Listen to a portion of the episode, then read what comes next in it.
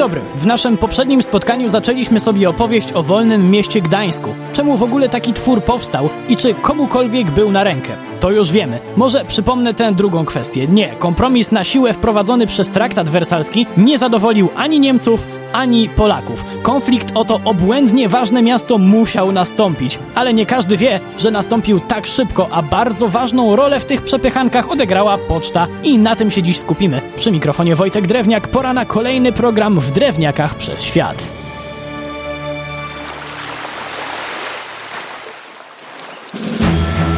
Dwudziestoleciu międzywojennym Polaków w Gdańsku było kilkanaście procent i nie mogli się oni wcale czuć swobodnie, zwłaszcza ci, po których było widać, że są Polakami, bo nosili mundury naszych służb. Najbardziej dostawało się polskim listonoszom, którzy z oczywistych względów musieli się dość sporo poruszać po niechętnym naszym przodkom mieście. I nie chodzi tylko o pogardliwe spojrzenia czy przekleństwa, bardzo często rzucano w listonoszy kamieniami. To był jednak dopiero początek prowokacji, bo pewnego ranka 1925 roku mieszkańcy Gdańska wychodząc z domów zobaczyli, że ktoś zdemolował wszystkie polskie skrzynki pocztowe poza jedną, tą na Komisariacie Generalnym Rzeczpospolitej Polskiej, która została przemalowana na kolor skrzynek niemieckich. Przekaz był jasny. Naturalnie polski komisarz w Gdańsku nie mógł tego tak zostawić. Wniósł proces, a w odpowiedzi Senat Gdańska tak zręcznie odkręcił kota ogonem, że to aż trzeba podkreślić. Orzeczono bowiem, że to nie była niemiecka prowokacja, a tak na dobrą sprawę polska. Nie byłoby tego wszystkiego, gdyby nasi nie wieszali skrzynek w miejscach niedozwolonych, a tak, to co się dziwimy, że się Niemcy poczuli narodowo urażeni. Sytuacja taka, że ręce opadają, ale niemieccy rządzący postanowili przejść samych siebie. Zgłosili protest do Ligi Narodów i życzyli sobie usunięcia polskich skrzynek pocztowych, bo to ich rodaków bardzo uraża. Mają zostać tylko te skrzynki, które są niezbędne Polakom do prowadzenia handlu. Czy Liga Narodów, która obiecała pilnować, żeby każdy w Gdańsku czuł się dobrze, odmówiła? Nie. Na szczęście apelacja Polski w Trybunale w Hadze podziałała i poczta mogła działać na terenie całego gdańskiego portu. Czy to rozwiązało problem? A gdzie tam?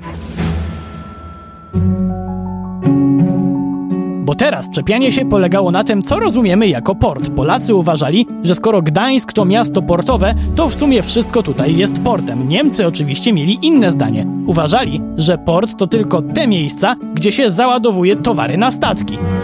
Znowu zaczęły się przepychanki i trzeba było w końcu powołać specjalną międzynarodową komisję, która podzieliła wolne miasto Gdańsk na strefę portową i nie aż tak portową, jakby nasi chcieli. Tradycyjnie nikogo to nie zadowoliło i w końcu stało się coś, czego się pewnie nie wszyscy spodziewali. Strona polska i niemiecka postanowiły się dogadać. Kompromis, który uspokoił jednych i drugich, był taki, że skrzynki pocztowe, które już były, mogą zostać i nikt ich niszczył nie będzie, natomiast niech Polacy nie wieszają już nowych. Okej, okay, no to co, koniec konfliktu pocztowego? Gdzie tam? Bo własna poczta to nie tylko jeden z symboli niepodległego państwa, to również medium, które docierało w tym czasie do niepojęcie większej liczby ludzi niż dzisiaj. Ale jak to medium? Ano spójrzmy na znaczki. Za ich pomocą można bardzo wiele przekazać i właśnie znaczki pocztowe stały się powodem jednej z wielu przepychanek w wolnym mieście Gdańsku. Kto zaczął? Tym razem nasi. Czy specjalnie? To nie jest do końca jasne. W każdym razie z okazji kolejnej rocznicy odzyskania niepodległości w 1938 roku pojawiła się seria znaczków, na których widoczny był kupiec robiący biznes z polskim szlachcicem na tle portu w Gdańsku. Nic złego? Jak dla kogo, bo senatorzy niemieccy w wolnym mieście zagotowali się strasznie.